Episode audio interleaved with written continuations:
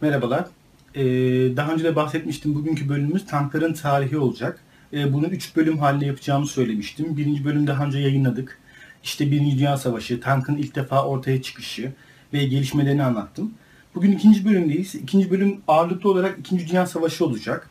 Ee, çünkü İkinci Dünya Savaşı tankların altın çağı olarak kabul edilir. Biliyorsunuz ki Birinci Dünya Savaşı makinalı tüfeklerin çağıysa İkinci Dünya Savaşı da tankların çağıdır. Ee, İkinci Dünya Savaşı dönemi tankların yıldızının yükseldiği, muharebe sahasının yeni kralları ilan edildikleri dönemler.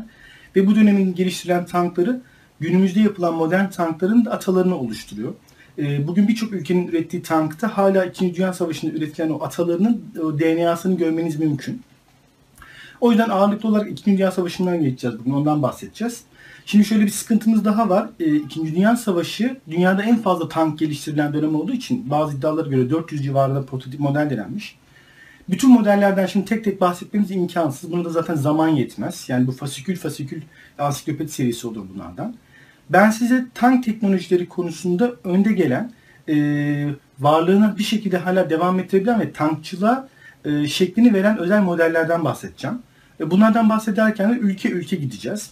E, önce Almanlar, sonra Amerikalılar, sonra Ruslardan bahsedeceğim. E, biraz İngilizlerden de bahsedeceğim. Ama İtalyanlar, Fransızlar ve e, Japonlara çok fazla girmeyeceğim. E, Fransızlar çünkü savaşta başta dağıldıkları için o çok güzel tank tasarımlarını pek sergileme fırsatı bulamadılar.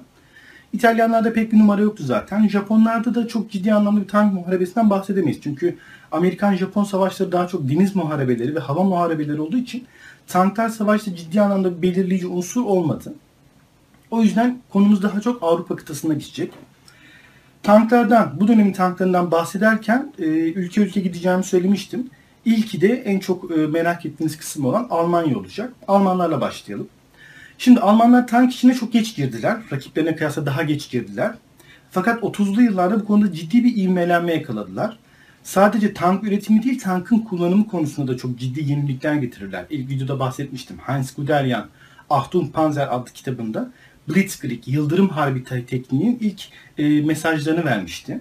E, Guderian tankları cephede piyadelerin arasında dağınık bir şekilde kullanmak yerine bir araya getirip onları ortak bir vurucu güç haline getirmek istemişti ve bu tekniği ilk defa Fransa'nın işgaline kullandılar. Şimdi o dönem Fransızların elindeki Char-Bis ARL serisi tankları Alman tanklarından hem zırh gücü hem de ateş gücü bakımından daha üstündü. Fakat eski konseptle kullanıyorlardı. Fransız tankları Almanya sınırında cephedeki piyadelerin arasında dağınık bir şekilde kullanılıyordu. Almanlar Yıldırım Harbi tekniğini kullanarak tanklarını ve zırhlı birliklerini çok organize bir şekilde kullandılar. Hatta ilk defa tanklarının tamamını telsizle donatan ülke Almanya'ydı. Sonra onu da Ruslar takip etti. E bu sayede Almanlar zırhlı birliklerini o kadar iyi, o kadar koordineli bir şekilde kullandılar ki Fransız savunmasını iki günde delip geçip kolayca biliyorsunuz Paris'e girdiler ve Fransa çok çabuk çöktü burada. Teknik anlamda daha üstün olmasına rağmen çabuk çöktü. E şimdi Almanlar bunu böyle yapınca tabii ki müttefikler, Ruslar, işte İngilizler, Amerikalılar da buna karşı kendi tanklarını geliştirme yoluna seçtiler. E şimdi onlar taraftan tanklar geliştirilirken, yeni konseptler yaparken de e, Almanya tarafında bir şeyler yapmaları, yapması gerekiyordu. Çünkü o zamanlar Almanların elinde Panther ve Leopard sınıfı hafif, orta ve sonradan orta hale getirilmiş tanklar vardı. Yani teknik anlamda bir üstünlük tarafları yoktu Almanların genel olarak. Arada tabii başka modeller vardı ama ben dediğim gibi genelden gidiyorum. 1940-41 gibi Adolf Hitler e, mühendislerinden çok güçlü bir tank istediğini istiyor. Diyor ki işte savaş meydanının en büyük tankını yapacaksınız bana. Dev gibi olacak işte. Onu gören korkup kaçacak işte. Zırhı hiçbir şekilde delinmeyecek. O kadar güçlü bir top olacak işte. Bir vuruşla rakibini yerle bir edecek. Gibisinden e, emirlerde bulundu. E şimdi adam psikopatın teki hayır diyemezsin. Efendim mümkün değil bu devirde bu teknolojiyle falan diyemezsin. E seve seve yapacaksın. Bir de Hitler'in başka bir takıntısı daha vardı. Çok sevdiği 88 mm'lik bir uçak savar topu vardı. Bombardıman uçaklarına karşı kullanılan. Tutturdu bu topu tanka takacaksınız diye. Şimdi dev gibi bir top ve yani o dönemin mühendisliğinde de bunu taşıyabilecek bir tank yok. Ama neyse tabii savaş şartları, bir taraftan da e, diktatörün şeyleştirmeleri işte baskıları falan. 1942 yılında ilk Tiger bir ana muharebe tankı ortaya çıkıyor. Ya ortaya çıkmasıyla birlikte savaş meydanlarında kurallar değişiyor. Çünkü Tiger e, o dönemin çok ilerisinde bir teknolojiye sahip. Muazzam bir zırh korumasına sahip ki uzun yıllar boyunca Tiger'ın zırhını hiçbir şekilde delemedi rakip tankları. Hatta Ruslar sırf Tiger'ları vurabilsin, savaş dışı bırakabilsin diye ISU sınıfı tank avcıları konseptini yaratıp sahaya sürmek zorunda bile kaldı. Amerikalılar hiçbir zaman Tiger'ların karşısında tank gücü bakımından tutunamadılar. Çünkü Amerikalılar tank yapmayı beceremezler. İlerleyen safhalarda da ben size anlatacağım onları. Onlar da hava kuvvetleri ve hava üstünlüğünü kullanmaya başladılar. Bugün bile Amerikalıların meşhur her silah sesi duyduğunda hava desteği istemesinin nedeni o 2. Dünya Savaşı'ndaki Tiger korkusundan gelmedir. Neyse, Tiger gerçekten çok güçlü bir tanktı. Ateş gücü çok yüksekti. 88'lik topu 2000 metre uzaklıktan bir e, M4 Sherman'ı delip geçebiliyordu. Bu bakımdan en üstün model oydu ve kimse karşısına çıkamadı. E, bunun dışında dediğim gibi o kadar ölümcül bir makinaydı ki bununla ilgili bazı e, kayıtları geçmiş ilginç olaylar var. Mesela Normandiya'sının çıkartması döneminde bir Alman Tiger'ının tek başına 10 M4 Sherman Amerikan tankını yok ettiği kayıtlara geçmiştir. Bunun dışında Doğu cephesinde iki tane Tiger'ın 18 tane Rus T-34 tankını yok ettiği de kayıtlara geçmiştir. Yani oranları görüyorsunuz. Yani 1'e 10, 1'e 8, 1'e 9 gibi oranlar. Hatta bir müddet, bir müddet sonra Amerikan tankçılarına şöyle bir emir geldi. Ne kadar kalabalık olursanız olun asla Alman Tiger'larının karşısına tek başınıza çıkmayın. Geri çekilin ve hava desteği çağırın. Zaten Amerikalıların imha ettiği Tiger'ların büyük bir kısmını tank savaşında değil, uçaklar halletmişti. Amerikan donanma uçakları onların çoğunu vurmuştu. Tiger 1 bu bakımdan çok güçlü bir tanktı. Arkasından gelen Tiger 2 ise tam anlamıyla safkan bir ölüm makinasıydı. Tiger 2 zaten çok başarılı olan Tiger 1 üzerinden geliştirilmişti. Daha güçlü bir topu vardı, daha uzun menzilli bir topu vardı ve zırh koruması çok daha arttırılmıştı. Bir Tiger 2'yi imha etme şansınızın olabilmesi için Rusların KV ya da IS gibi dev tankların onlara 5-600 metre kadar yaklaşması gerekiyordu. Çünkü ancak silahları o mesafede, o menzilde etkiliydi. Fakat Tiger 2 bir IS'i 1500-2000 metreden çok rahat bir şekilde imha edebiliyordu. Bu bakımdan gerçekten çok etkileyici tanklardı Tiger'lar. Ve Tiger'lar günümüz modern tankların çoğunun da altyapısını oluştururlar. Bugünün birçok modern tankı özellikle Anglo-Sakson ekolünün tankları, 3. bölümde bahsedeceğim size Anglo-Sakson ekolünden, e, genellikle Tiger'ı baz alarak geliştirilmiş tanklardır. Bu bakımdan çok önemli modeller, çok başarılı modeller. Fakat biliyorsunuz her güzelin bir kusuru vardır. Tiger serisinin de çok ciddi kusurları vardı. İki büyük kusuru vardı Tiger serisinin. Şimdi bu kadar büyük, o dönemin mühendislik şartlarının sınırlarında gezen devasa bir savaş makinesi doğal olarak e, üretimi zor bir makine olacaktır. Tiger'ların gerçekten üretimleri pahalıydı, masraflıydı ve uzun sürüyordu. Ve çok sofistike yapıları olduğu için de öyle kolay kolay Ruslar gibi, Amerikalılar gibi günde 20 tane 30 tane fabrikadan Tiger çıkartamıyordunuz. Almanlar savaşın en cafcaflı döneminde bile günde maksimum 10 tane Tiger yapabilirken Ruslar 40, 50, 60 gibi rakamları çıkabiliyorlardı. E bu bakımdan Tiger'lar gerekli lojistik ihtiyaçları karşılayamıyordu. E, 1500 civarı Tiger bir üretildi. Bugün için büyük bir sayı olabilir ama 2. Dünya Savaşı'nın o e, kaotik atmosferinde 1500 çok büyük bir sayı değil. Tiger 2, Tiger 2 için durum daha kötüydü. Tiger 2 500'ü bile ulaşamadı. Yanlış hatırlamıyorsam 483 mi 486 adet mi üretilebildi. O da pek bir şey değiştiremedi. Çünkü bir de o savaşın son dönemlerinde üretilmişti Tiger 2'ler. Artık hava üstünlüğü müttefiklerin eline geçmişti. Alman toprakları sabah akşam bombalanıyordu. Doğru dürüst üretecek tesis de yoktu. imkan da yoktu. Tiger 2 psikolojik bir etki yarattı ama realde bir etki yaratamadı. Her ne kadar Amerikalılar ona King Tiger dese de, İngilizler onlara Royal Tiger dese de Tiger 2 maalesef savaşın gidişatında bir fark yaratamadı. Belki işte müttefiklerin ilerleyişini birkaç hafta yavaşlatmıştır ama daha fazla da işe yaradığını zannetmiyorum. Bu yüzden Tiger'lar gerçekten savaşta kendilerinden bekleneni veremediler. Çünkü kolay kolay üretilemiyorlardı. Aynı zamanda ikinci olarak da bu aşırı sofistike yapıları Tiger'ların çok sık bozulmasına neden oluyordu. Çünkü böyle bir kural vardır. Bir askeri silah ne kadar sofistikeyse o kadar çok arıza yapar. Ve Tiger o kadar karmaşık bir makine ki arıza yaptığında da tamir etmesi de çok uzun sürüyor. 2 hafta 3 hafta sürdüğü rapor ediliyor. Şimdi önce hatlardasın, çatışmanın içindesin. E tank bozuluyor, tamir edemiyorsun.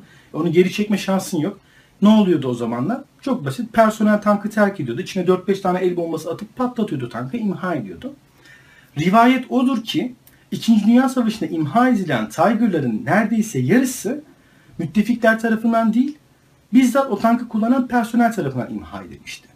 Çünkü kim düşmanın eline geçmesi istenmiyordu Tiger'ların. Zaten bugün dünyada çalışır durumda düşman müttefiklerin eline geçmiş çok az sayıda Alman tankı vardır. E, şimdi bu alet bu kadar sorun çıkartınca imha edilmek zorunda kalıyor. Ve bu savaşın şartlarında gerçekten hoş bir şey değil. İyi bir şey değil çünkü. Sizin güçlü silahınız iyi ama onu kullanamadıktan sonra ne, ne faydası olur? Hem zaten yeterli sayıda da üretim yapamıyorsunuz. Dediğim gibi arz, bir savaşta imha edilmiş bir Tiger'ın yerine yenisinin gelmesi 2 haftayı 3 haftayı bulurken imha edilmiş bir T-34'ün yerine yenisinin gelmesi bir gün sürüyor. Hatta bir tane imha ediyor, iki tane geliyor. Keza Amerikalılarda da aynı şey. Şimdi rakipler sahaya kayıplarını bu kadar hızlı telafi ederken siz bu kadar hızlı telafi edemiyorsanız yemişim ben Tiger'ın da Panther'ın da yemişim yani. O kadar basit bir şey bu. Yani anlayacağınız 2. Dünya Savaşı'nda Almanların süper tank takıntısı onların biraz da sonunu getirdi. Çünkü rakipleri daha farklı yöntemler denedi ve başarılı da oldular.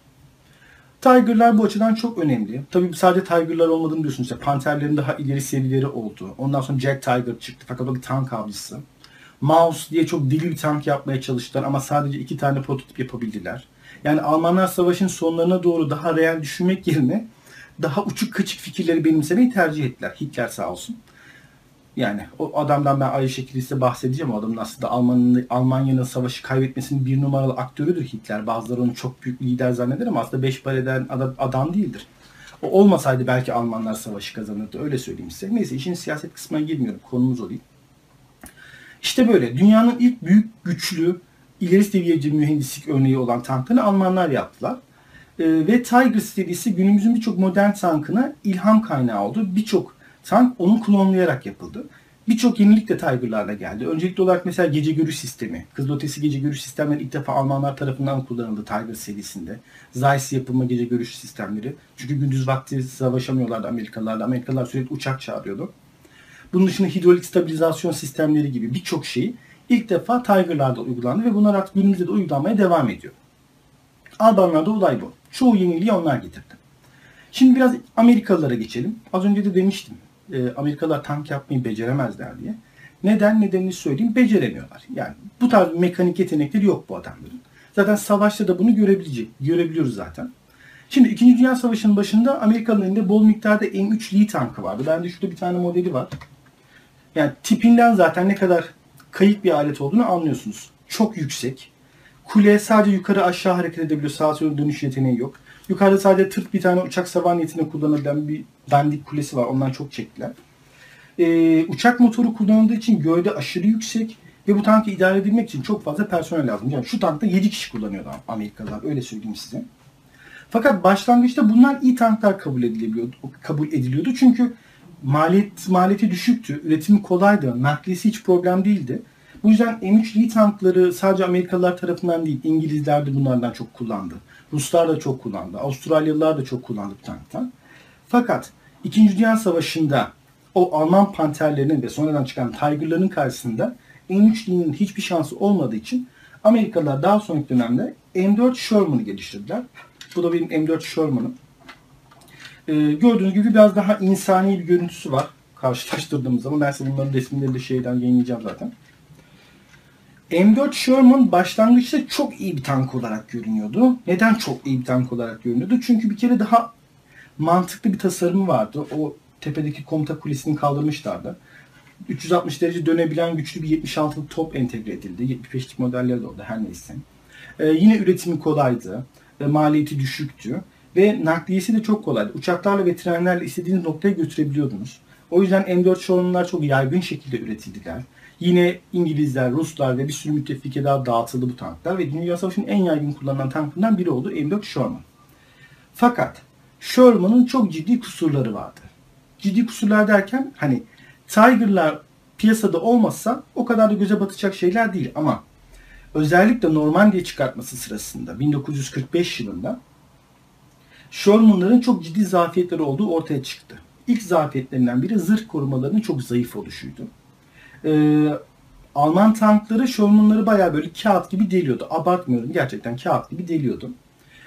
Bir Sherman'ın bir Tiger'ın karşısında tutunma imkanı yoktu zaten. Hiçbir zaman da öyle bir şey olmadı.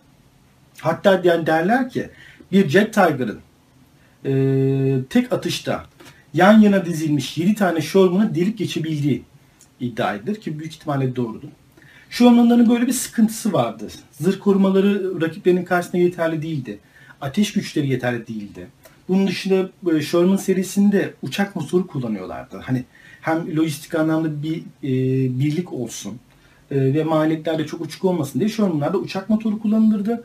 Bu motor tamam küçüktü, tamam iyi güç üretirdi ama çok fazla yakıt tüketirdi ve tankın yüksek bir silüetle tasarlanmasına neden oluyordu. E bu tankın bu kadar yüksek bir silüetle tasarlanıyor olması muharebe alanında saklanma şartlarını daha da e, olumsuz hale getiriyordu ki birazdan Ruslara geçtiğim zaman o saklanma şartları ne kadar önemli olduğunu göreceksiniz. Deyim yerinde ise M4 Sherman'lar Almanların karşısında darmadağın oldular. Alman tanklarının karşısında, Alman tank savarlarının karşısında çok ciddi varlık gösteremediler. Zaten 2. Dünya Savaşı bittikten sonra Amerikalılar Sherman vari tankları bırakıp Alman Tiger'larının ve e, King Tiger'larının kopyalarını geliştirmeye çalıştılar. Beceremediler. Sonra başka bir şeyler oldu. Onları şey yapacağım. Sherman başarısız bir tanktı. Birçok otorite M4 Sherman'ı 2. Dünya Savaşı'nın en başarısız tanklarından biri olarak görür. Fakat savaşın en çok kullanılan tanklarından biriydi Sherman. Dediğim gibi Amerikalılar sağ olsun her yere yaydılar. Ha Pasifik'te bir sorun yaşamadılar bu tanklarla. Çünkü Japonlarla dediğim gibi karşılıklı ciddi bir tank muharebesi yapılmadı. Bu yüzden bir sıkıntısı olmadı ama Avrupa'da bu tank gerçekten deyim, yerindeyse yerli bir oldu. Hatta bununla ilgili e, biliyorsunuz geçen yıl çekilmiş e, Brad Pitt'in Fury diye bir filmi var. O filmi biraz izlerseniz zaten bu tankların Almanların karşısında neden pek şansları olmadığını orada da az çok anlayacaksınız. Ya orada tabii işi biraz köpürtmüşler. Orada dört tane Sherman en sonunda bir Tiger yok etmeyi başarmış. Gerçekte öyle olmuyor ama neyse. Amerikalıların durumu bu. Şimdi gelelim 2. Dünya Savaşı'nın nasıl yıldızına. Şimdi çoğu kişi 2. Dünya Savaşı dedi mi hep böyle Almanlar, Tiger'lar, işte Jet Tiger'lar, King Tiger'lar falan filan der. Ama tank konusunda 2. Dünya Savaşı'nın yıldızı Ruslardır. Şimdi Rusların neden bu kadar başarılı olduğunun cevabı çok basit. Cevap basit. Rus mühendisliğinin temeli budur. Basit olsun, güvenilir olsun mantığı vardır Ruslarda. Tanklarını yaparken de bu şekilde yaptılar.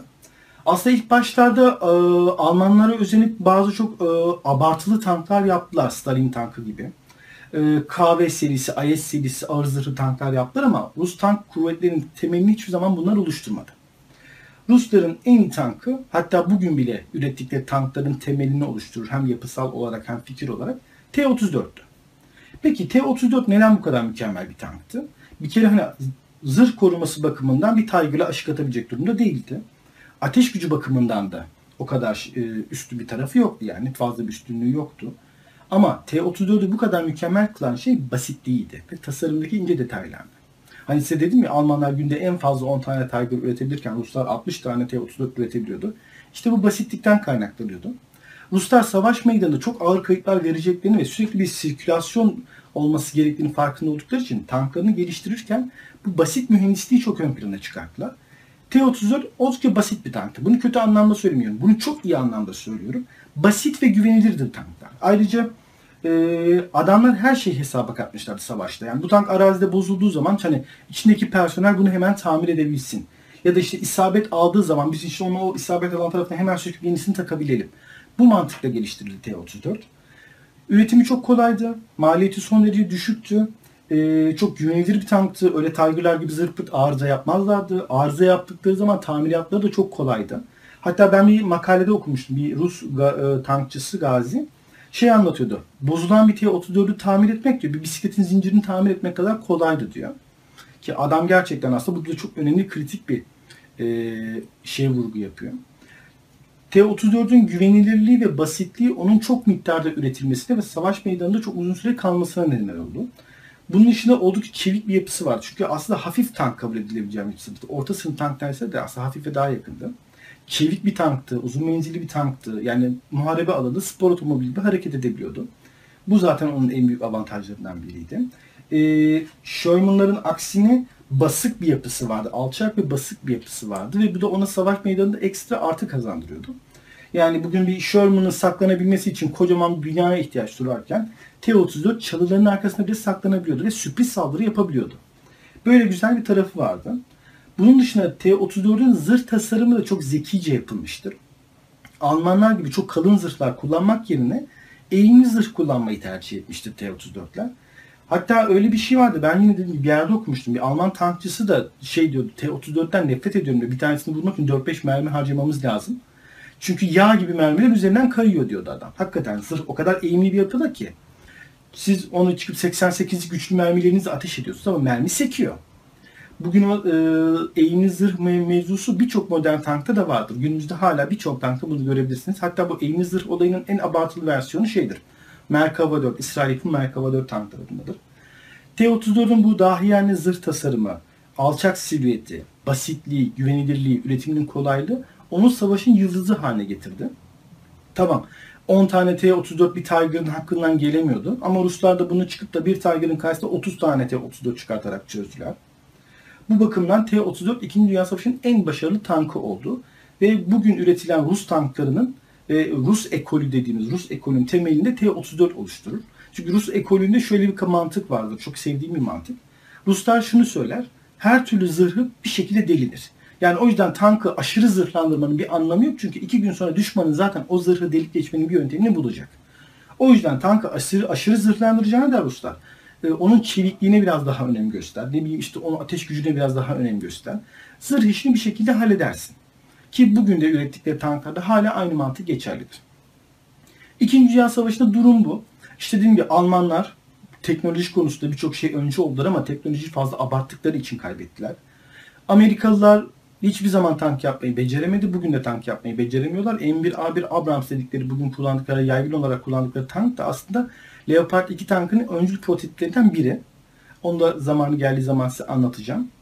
Ruslar 2. Dünya Savaşı'nda T-34'te başardıklarından çok iyi dersler çıkarttılar ve T-34 ekolünü devam ettirdiler.